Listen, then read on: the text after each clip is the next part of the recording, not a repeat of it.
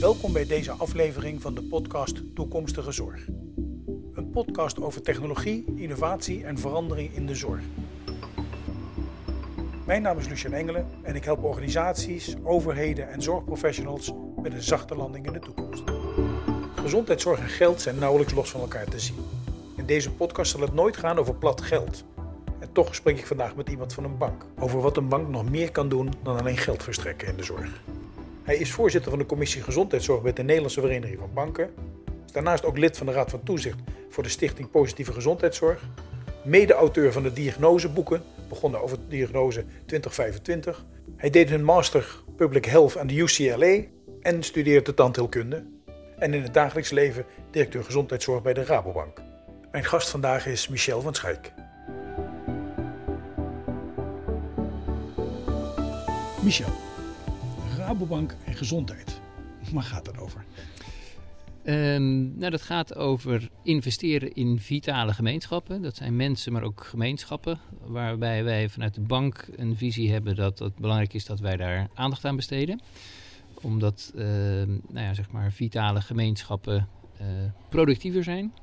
En uh, dat uiteindelijk uh, vitale gemeenschappen ook daardoor in staat zijn om een welvaartssamenleving in stand te houden. En nu zou je zeggen van, uh, wat is dan het probleem? Nou, als je kijkt naar de samenleving, dan zijn we met z'n allen ouder aan het worden en uh, aan het vergrijzen. En dat wordt soms als een probleem gezien. Je zou kunnen zeggen dat is een mooi succes dat we met z'n allen ouder worden, vaak ook nog in gezonde levensjaren. Maar tegelijkertijd zien we dat er ook wel steeds meer mensen, uh, zeg maar, in de loop van hun leven te maken hebben met één of meerdere chronische ziektes. En dat zijn niet alleen maar ouderen, maar dat begint soms al op jonge leeftijd. En dat dat uiteindelijk natuurlijk de kwaliteit van het leven van die mensen uh, in negatieve zin kan beïnvloeden. En daarmee uiteindelijk ook hun levensgeluk, maar ook hun productiviteit. En wij zien er een verantwoordelijkheid en ook een, een mogelijkheid in om vanuit de rol die wij hebben uh, te investeren in nou ja, zeg maar het verbeteren van de kwaliteit ja. van het leven van die mensen. En daarmee ook de samenleving. De investeringen komen dadelijk inderdaad wel even op. Dus als jij het over gemeenschappen hebt, dan hebben sommige mensen noemen dat communities. Hè? Hebben, ja. hebben het over hetzelfde. Ja. En ik kon je ook heel duidelijk zeggen, het gaat dus niet alleen wat je nu vaak ziet en terecht overigens, maar over ouderenzorg. Maar je zegt ook van, het begint dus ook eerder. Hè? Chronische aandoeningen begint vaak al bij de geboorte soms zelfs al. Klopt. Dus jullie kijken ook even over die volledige breedte. Heb ik dat goed? Ja, ja, ja, we proberen daar ook echt een eigen visie op te ontwikkelen. Ja, kun je daar voorbeelden uh, van noemen? Nou ja, dat, uh, de visie die we hebben ontwikkeld, dat is uh, onder andere zeg maar, in het verleden de boeken die we hebben geschreven. Waarbij we ja. hebben gezien dat op basis van een hele, de diagnoseboeken, ja. dat als we de trends die we toen hebben onderzocht naar de toekomst toe doortrekken, dat we eigenlijk hebben gezegd van ja, we hebben een hartstikke mooi zorgsysteem, maar het is op de lange termijn niet houdbaar. En, uh, ja, dus, en dat als je heel, heel, eerlijk naar de zorg kijkt, dat we het eigenlijk moeten hebben over een ziekenzorgsysteem. Dus we zijn vooral mensen die eerst ziek zijn geworden aan het beter maken, reparatiegeneeskunde. En terwijl we eigenlijk weten dat heel veel van de ziektebeelden en de ziektelast die die mensen op den duur oplopen, het gevolg zijn van gedrag en leefstijl. En, uh, dus we zijn eigenlijk aan het dweilen met de kraan open, zou je kunnen zeggen. Dus we moeten van gezondheidszorg naar gezondheid en zorg en eigenlijk naar gezondheid. Dat naar vitaliteit. Vitaliteit noemen ja. jullie dat. Ja. Vitaliteit is iets anders dan gezondheid. Uh, waar zit het verschil? Ja, dat is moeilijk. Hè. Dan kom je eigenlijk een beetje in, uh, in een semantische discussie. Ja. Maar ik denk dat mensen. Ja, Huber, dat soort. zeker. Hè. Dus ik denk dat het vooral de vraag aan de persoon in kwestie is: van waar, waar wil jij eigenlijk zelf ja. voor gaan? En uh, inderdaad, Machtel Huber is iets, uh, of iemand en wiens gedachtegoed mij na aan het hart ligt. Ik ben ook betrokken bij haar instituut hè, in de Raad van Toezicht. En het is een heel krachtig concept. En zij heeft eigenlijk op een hele aannemelijke manier duidelijk gemaakt dat als je het aan de mensen zelf vraagt, dat die mensen zeg maar gezondheid en gezondheid of, en vitaliteit vaak zien als het hele leven. Ja, dus niet en ook alles hun... beleven afhankelijk van de fase ja. in hun leven zelf. Hè? Absoluut. En, en dat als mensen bijvoorbeeld zeggen van nou ja op de vraag van waar zou jij aan willen werken uh, en ze zeggen van nou, ik zou heel erg veel willen doen aan mijn zingeving.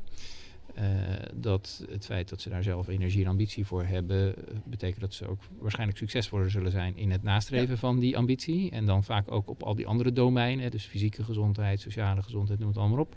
Dat ze die eigenlijk ook automatisch, of maar automatisch, dat ze die, die mee ontwikkelen ja. in de positieve zin. Ja. He, dus het is vooral, dat noem ik dus echt vraaggericht. Dan begin je bij de vraag aan de burger of aan de patiënt van wat wil je nou eigenlijk zelf? Dus jullie investeren in vraaggerichte vitaliteit. Nou, dat is eigenlijk, zou je kunnen zeggen, een beetje het kompas wat ik gebruik voor het, uh, het managen van uiteindelijk onze zakelijke portfolio. Dat, dat gedachtegoed, die, uh, nou ja, dat idee dat we het zorgaanbod gedreven systeem helemaal moeten transformeren naar een vraaggericht uh, systeem. Dat we dat een beetje de positieve ge gezondheid als een gedachtegoed gebruiken om onze keuzes waar wij dan in investeren te maken. En dat is natuurlijk een, een, een, je zou kunnen zeggen, toch nog een best een grof instrument, maar het helpt wel. Ja.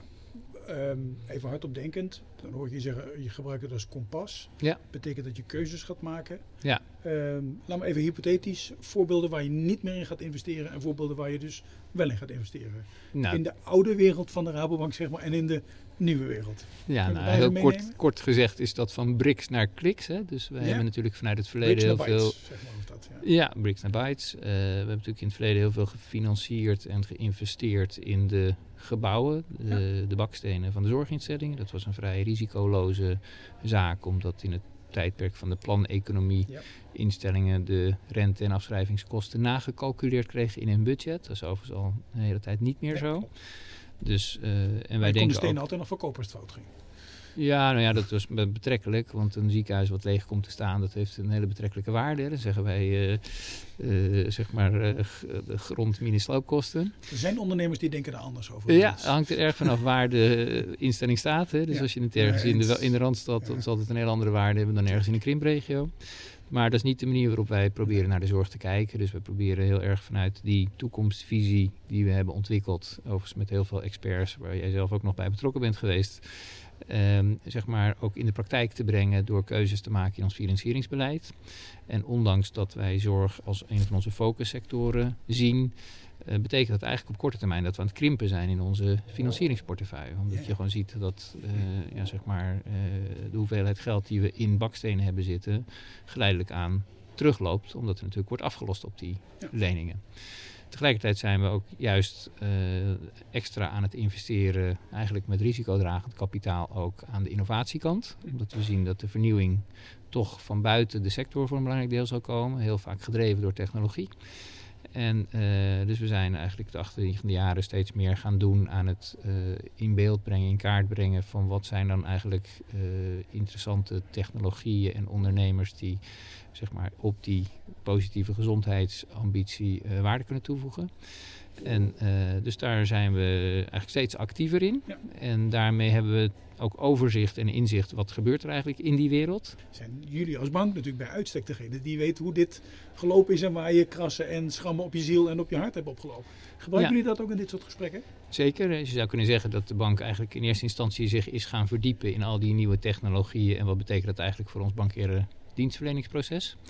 En uh, daar zijn natuurlijk al best flinke stappen in gemaakt. Zeker. En nu eigenlijk zijn we in toenemende mate die kennis en ervaring ook in dienst aan het stellen van onze klanten. Ja. Dus uh, want wij snappen heel goed dat niet iedere zorginstelling de middelen heeft om een heel arsenaal aan ICT-mensen uh, zeg maar, ja. in dienst te nemen. Dus de gedachte is dat wij die kennis ook willen, willen delen. Daar hebben we in zekere zin een belang bij. Want een instelling die daar actief mee aan de slag gaat, die speelt waarschijnlijk beter in ja. op de, de toekomst dan een instelling die dat niet doet.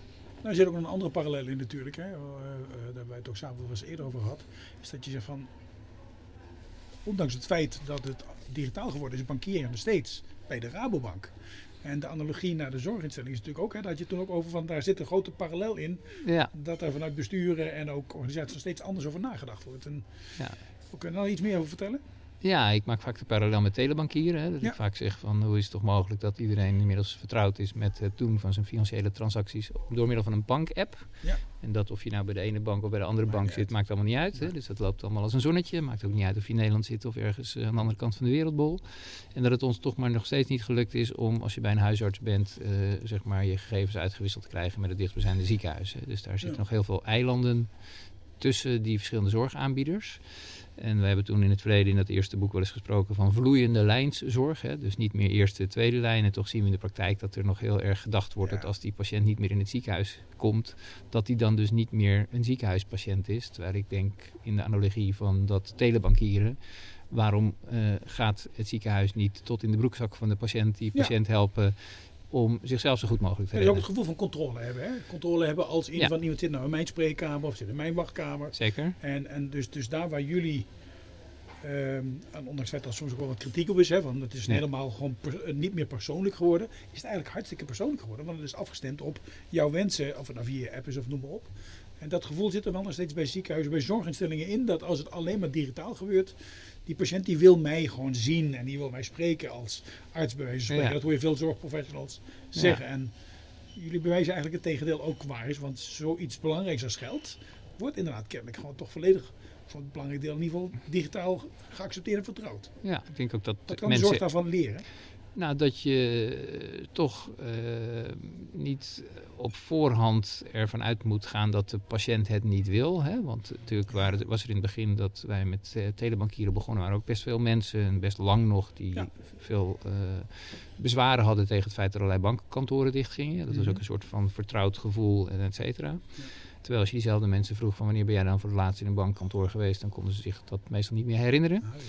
En dus het heeft ook iets te maken met veranderingen en gedrag. En ik denk dat het, eh, het voordeel van het feit dat mensen die bankzaken al lang met hun mobiel doen, is dat het pad eigenlijk al gebaand is. Maar dat het ook wel een verantwoordelijkheid is voor de zorgsector om datzelfde pad eh, Ja. ook te gaan banen. Omdat het langzamerhand niet verantwoord meer is om het pad niet op te gaan. Want we zien nu steeds meer patiënten eigenlijk in de kou komen te staan via de wachtlijsten of, of ja, door personeelskrapte. En dat kan natuurlijk niet de bedoeling zijn dat eh, de zorgsector zo ver achterblijft ten opzichte van andere sectoren als het gaat om dit soort technologieën Ja. in te zetten. Ik sla even aan op, hè, je zegt personeel. Nou, we zitten hier in het restaurant bij de Rabo, Ja. personeelsrestaurant. Ja. Kun je op de achtergrond ook een klein beetje horen af en toe. Ja. Ehm, je gaf eerder aan dat jullie ook in jullie eigen proces proberen stappen te zetten. Eh, Ja. In de zin van hoe kun je ook de vitaliteit van je eigen collega's vergroten, maar ook in termen van ondernemerschap aanjagen en stimuleren dat er ook een bepaalde verandering eh, komt. Eh, wat zijn de meest recente stappen die jullie in dat kader gezet hebben? Bijvoorbeeld waarvan je zegt van nou, dat laat nou echt zien dat we hem ook als Rabobank helemaal doorvoeren. Ja, een van de vier pijlers onder onze strategie is medewerkers in hun kracht. Ja. En je kunt je voorstellen dat door de transitie die gepaard gaat met enorm veel banenverlies, heel veel mensen in onzekerheid Ja. verkeren. En daardoor ook eh, niet in hun kracht zitten. En eh, daar proberen we zo goed mogelijk op in te spelen door juist heel veel te doen vanuit ons HRM-beleid aan het investeren in de vitaliteit van de medewerkers. En eh, dat vindt op allerlei verschillende manieren uiting. Hè, door mensen de mogelijkheid te bieden om ja, zeg maar, eh, cursussen, opleidingen te volgen die eh, nou ja, bijdragen aan hun eh, levensgeluk, zou je bijna kunnen zeggen. Hè. Dus dat zijn niet alleen maar bankaire trainingen, maar ook eh, mindfulness of Ja. eh, vitality rooms, noem het dan maar op. En natuurlijk, en dat ligt natuurlijk in de lijn van onze business, zou je kunnen zeggen, ook door eh, medewerkers steeds meer te verleiden gezonder te gaan eten. Niet vanuit een, een berispingsstrategie, maar veel meer vanuit de verleidingsstrategie. En dat is dus eh, de kroket weg uit het personeelsrestaurant versus minder in your face, om zo uit te drukken. Nou ja, niet weg. Hè? Dus iedereen Nee, die, een kroket wil eten, die kan bij ons nog steeds een kroket eten. Maar we gaan mensen wel verleiden om een gezonde salade te eten. Ja. En dat is overigens, eh, ik heb het de ervaring zelf ook ondervonden. Dat kan heel aantrekkelijk zijn. Absoluut. En eh, dus we willen niet in de hoek van wij gaan eh, zeg maar bevoogdend vertellen wat onze medewerkers wel of niet mogen eten. Maar we gaan ze wel in zekere zin verleiden om de gezondere keuzes te maken. Ja. Dat is ook een beetje wat eh, Google ooit op een hele andere manier heeft gedaan. Door gewoon letterlijk kleinere borden aan te bieden, hè, weet ik nog. Ja, Dus in het personeelsrestaurant hadden ze keer- het is een normale, normaal bord. En ze hadden het bord gewoon 30% kleiner gemaakt. Zonder dat mensen het hadden gemerkt. klopt. En ze aten dus gewoon minder. En Ja. ook minder verkeerde dingen. En Ja. Dus dat soort dingen wordt, eh, daar zijn jullie dus ook druk mee bezig. Daar zijn we mee bezig, omdat we ook vinden dat als we zeg maar eh, met vitaliteit en gezondheid een groot thema is binnen de bank, dat je eigenlijk ook zelf een goed voorbeeld moet zijn. En, eh, en dat is natuurlijk vooral ook te zien aan de, aan de medewerkers. Ja. En eigenlijk vinden we ook dat in de gezondheidszorg het logisch zou moeten zijn.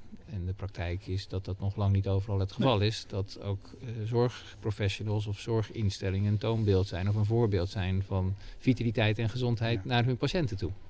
Nou, we kennen allemaal de ziekenhuizen of de zorginstellingen, wat daar, waar als je daar de voordeur inloopt, dat er nog Ja. steeds de frituurdampen van de kroketten eh, zeg maar, je tegemoet komen. En op dit moment nog steeds ook gewoon de sigarettenrookje tegemoet komt. Hè? Ja, ja, ja, dus daar is echt nog veel te Ja. doen. En eh, nou, nogmaals, eh, ik denk dat ook wij vanuit onze rol Eh, iets kunnen bijdragen op die agenda. Hey, en in, in, in dat, dat proces rondom ook het aanbieden van, eh, op een andere manier aanbieden van, van goede voeding, zeg maar, daarin betrekken jullie ook jullie klanten, neem ik aan?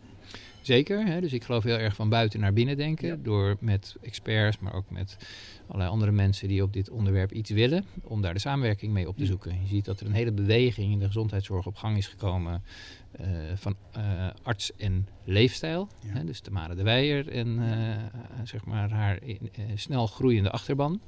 Dat vinden wij een hele goede beweging. En je ziet ook dat er steeds meer artsen zijn die eigenlijk het ook zelf heel gek vinden dat ze niet zoveel geleerd hebben op het gebied van voeding. Ja. En eigenlijk ook in het gesprek met hun patiënten eh, daar eh, veel meer aandacht aan willen besteden. En het is ook een goede zaak dat nu leefstijlinterventieprogramma's Ja. steeds meer eh, ja, zeg maar, in beeld gaan komen om ook eventueel voor vergoeding in aanmerking te komen. Dus Hebben spelen jullie daar nog een rol als bank? Hè? Ik bedoel, ik, ik, ik, de voorbeelden die je noemt, die zijn natuurlijk bij uitstek geschikt. Is dat nog iets waar jullie op een of andere manier in investeren of op een andere manier bij betrokken zijn? Ja, dus we hebben bijvoorbeeld een Accelerator-programma opgezet, Ja. diagnose voeding en gezondheid. Ja. Dat is een vervolg op onze eerdere diagnoseprogramma's. En daarbij eh, proberen wij eh, ondernemers of, of mensen met een heel goed idee op het gebied van voeding en gezondheid, die daarmee of door middel van dat idee een impactvolle bijdrage aan de samenleving kunnen eh, leveren, Ja. Om die eh, te ondersteunen met kennis, netwerk en kapitaal.